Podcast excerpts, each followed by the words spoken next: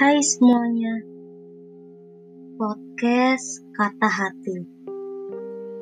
Kata-kata yang harusnya diucapkan tidak perlu dipendam. Itu alasan aku membuat podcast ini. Karena terlalu banyak kata-kata hati yang aku pendam, tapi akhirnya aku gak kuat nahannya sendiri. Oh iya, salam kenal ya. Nama aku Christine Tesalonika. Kalian bebas memanggil aku apa, tapi biasanya aku dipanggil Utet. Nama yang unik bukan sih?